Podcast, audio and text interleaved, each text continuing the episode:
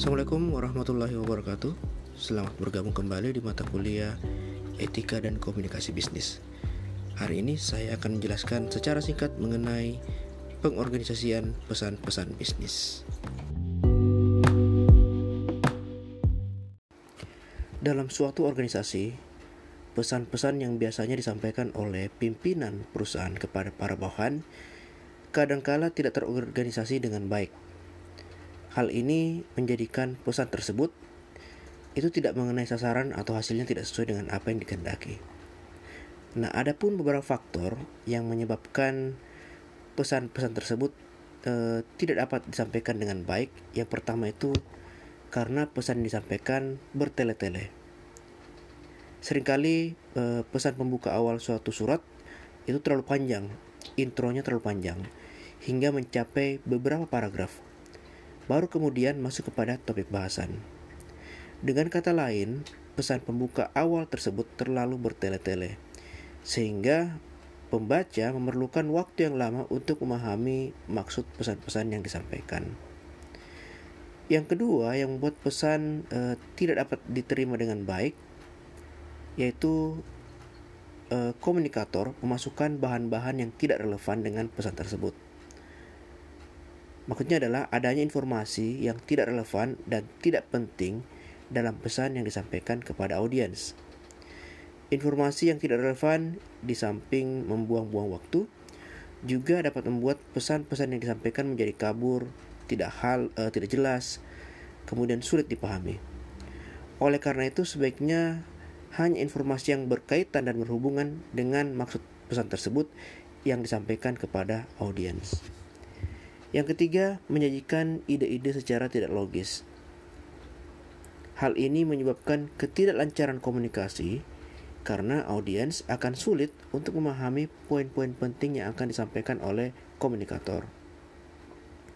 Faktor terakhir yang membuat pesan sulit diterima adalah uh, informasi penting kadang tidak tercakup dalam pembahasan.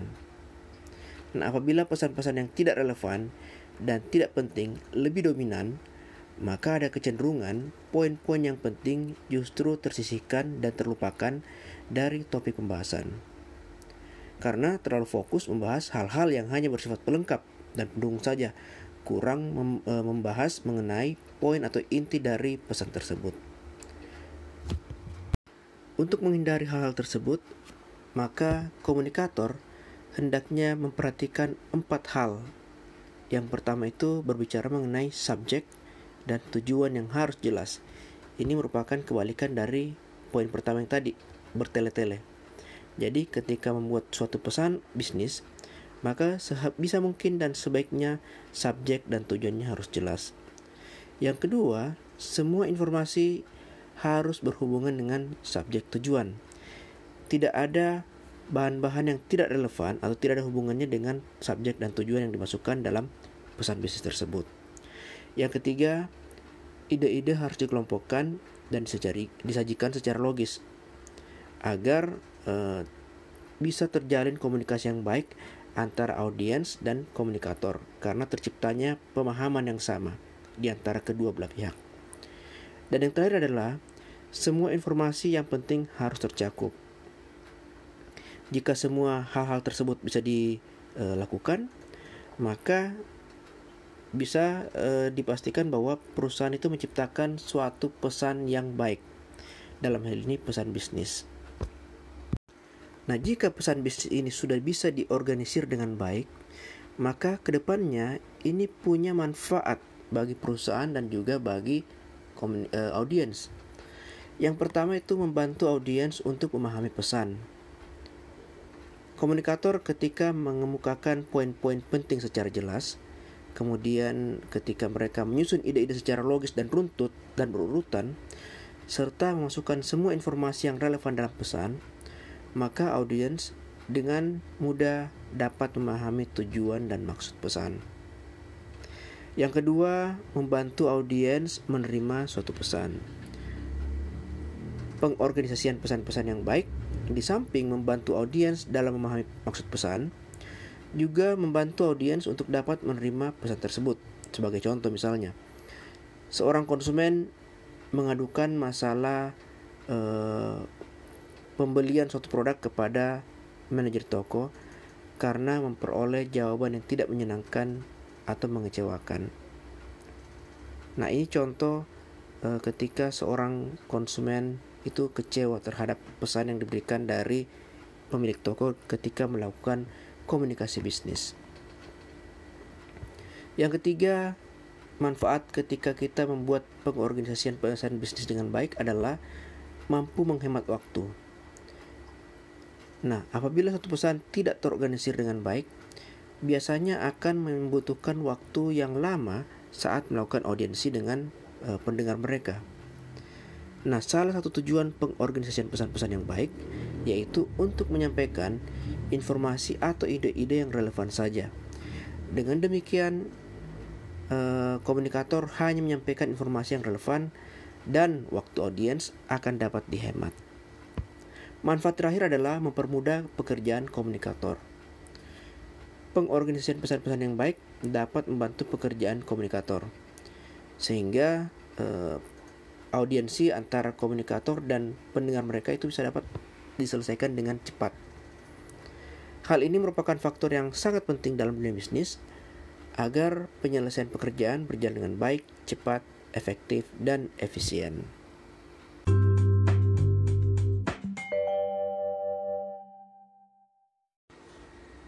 Pada dasarnya, untuk mencapai pengorganisasian pesan yang baik, umumnya diperlukan dua proses tahapan. Yang pertama, kita berbicara mengenai definisi dan pengelompokan ide-ide, serta yang kedua, berbicara mengenai urutan ide-ide dengan perencanaan organisasional. Pada tahapan pertama, e, berbicara mengenai definisi dan pengelompokan ide, di sini komunikator memutuskan apa yang harus dikatakan ketika melakukan audiensi. Setiap komunikator harus mencari pemecahan setiap masalah yang dihadapi oleh audiens. Jika materinya lemah, tidak memiliki muatan yang menarik, maka akan mengaburkan fakta yang ada. Apabila pesan eh, yang disusun ini panjang dan kompleks dan ribet, ruwet, maka sangat diperlukan outline. Hal ini karena dengan adanya outline ini akan membantu e, memvisualisasikan hubungan antara bagian yang satu dengan bagian yang lain. Kita berbicara bagaimana caranya merangkai hubungan antara paragraf yang satu dengan paragraf yang lain, kemudian bab satu dengan bab yang lain, atau ide yang satu dengan ide yang lain. Nah, selain itu, outline juga membantu untuk mengkomunikasikan ide-ide dengan cara lebih sistematik efektif, dan efisien. Melalui perencanaan yang baik, outline akan membantu mengekspresikan transisi atau perubahan antara ide-ide sehingga audiens akan memahami pola pikir komunikator. Secara umum, penyusunan suatu outline dari sebuah pesan bisnis dapat digolongkan sebagai berikut. Yang pertama, seorang komunikator harus memulai dengan ide pokok. Ide pokok akan membantu dalam menentukan tujuan dan strategi umum dari suatu pesan. Nah, ide ini dirangkum ke dalam dua hal. Yang pertama, apa yang Anda sebagai komunikator inginkan terhadap audiens untuk melakukannya atau memikirkannya. Yang kedua, alasan yang mendasar mengapa mereka harus melakukan dan memikirkannya. Nah, ini adalah ide pokok dari ketika kita akan membuat sebuah outline. Kemudian yang kedua, nyatakan poin-poin pendukung yang akan membuat presentasi kalian itu akan menjadi sangat penting. Dengan adanya poin-poin pendukung ini akan membantu Anda untuk mengembangkan ide-ide pokok ataupun mendukung ide-ide pokok dari pesan bisnis kalian. Yang ketiga, gunakanlah ilustrasi atau gambar dengan adanya ilustrasi ini bisa uh, memperkuat ide-ide Anda dan memberikan gambaran kepada audiens mengenai apa yang kalian sampaikan kepada mereka. Nah, itu adalah tiga tahap untuk membuat outline secara umum. Setelah selesai mendefinisikan dan mengelompokkan ide-ide, maka tahapan selanjutnya adalah menentukan urutan penyampaian materi. Secara umum, ada dua pendekatan yang biasa digunakan, yaitu pendekatan langsung atau direct approach, biasa juga dikenal dengan istilah pendekatan deduktif, di mana ide-ide pokok muncul paling awal kemudian diikuti dengan bukti-bukti pendukung. Pendekatan ini digunakan apabila reaksi audiens kita itu cenderung positif atau menyenangkan. Nah, jika audiens kita itu menunjukkan reaksi negatif atau tidak menyenangkan, maka kita menggunakan pendekatan yang kedua, yaitu pendekatan tidak langsung atau indirect approach.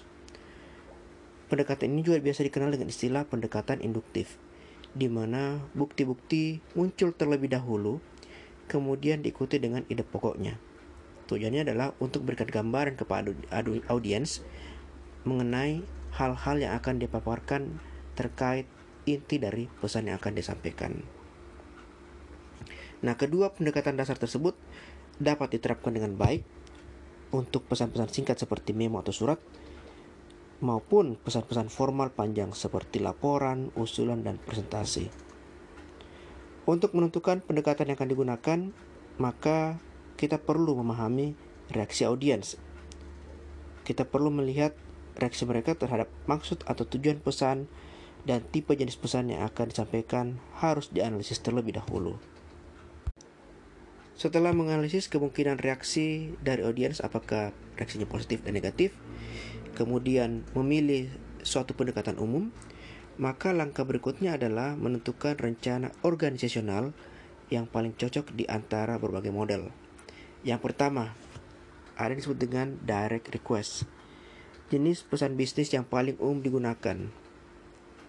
Direct request dapat berbentuk surat atau memo. Misalnya, eh, komunikator tertarik terhadap suatu produk, produk barang yang baru, dan berkeinginan untuk mengetahui spesifikasi atau berbagai macam hal terkait produk tersebut, seperti karakteristik harga, cara pembayaran, dan sebagainya maka komunikator dapat membuat surat permintaan langsung atau direct request untuk menanyakan hal-hal tersebut. Yang kedua, itu berupa pesan-pesan rutin, good news atau goodwill. Jika komunikator memberikan informasi rutin sebagai bagian dari bisnis tetapnya, maka para audiens kemungkinan akan menjadi netral. Jika kemudian eh, komunikator mengumumkan penurunan harga atau menerima suatu undangan atau ucapan selamat dari teman sejawat, maka audiens akan senang mendengarnya.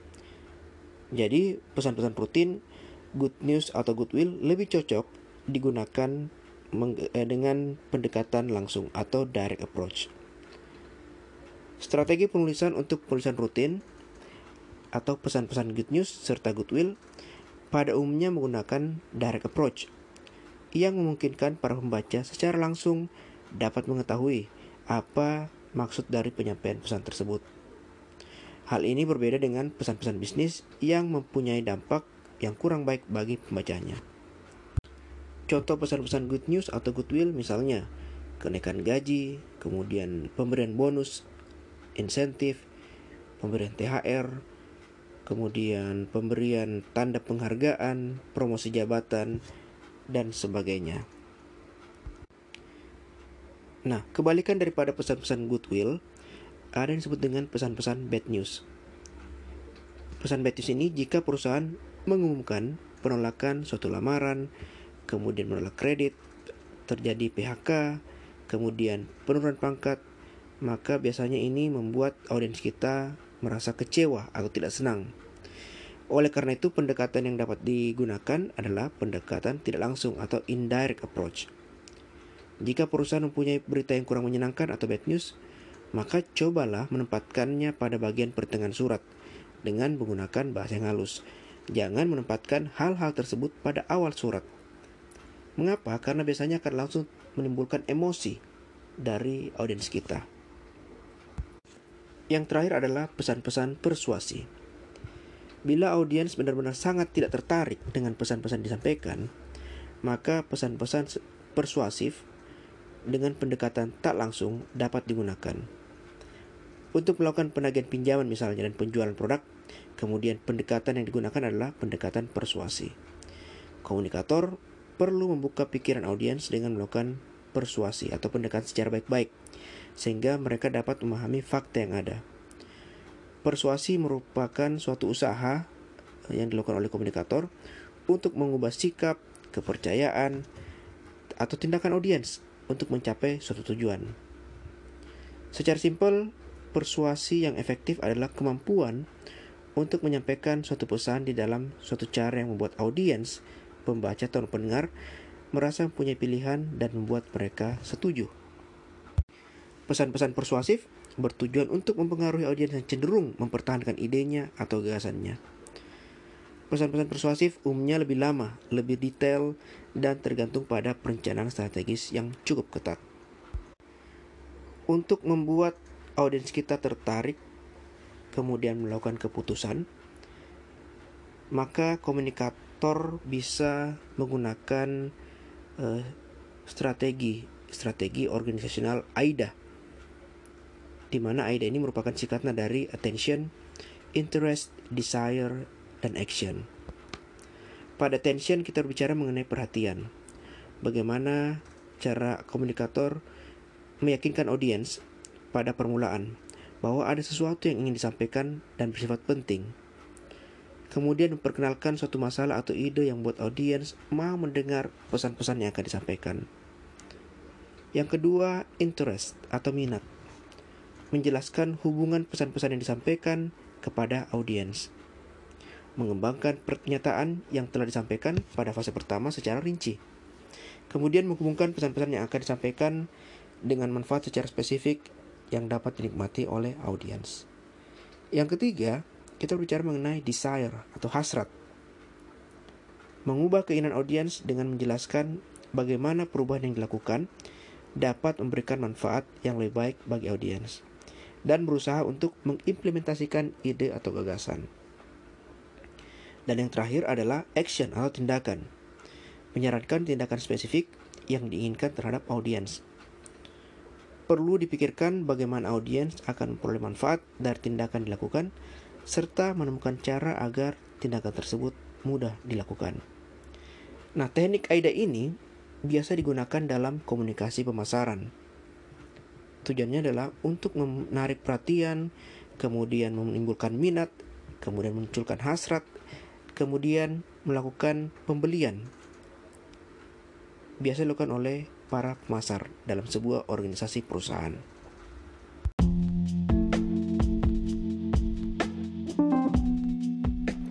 Demikianlah materi singkat mengenai pengorganisasian pesan-pesan bisnis. Semoga bermanfaat. Terima kasih. Assalamualaikum warahmatullahi wabarakatuh.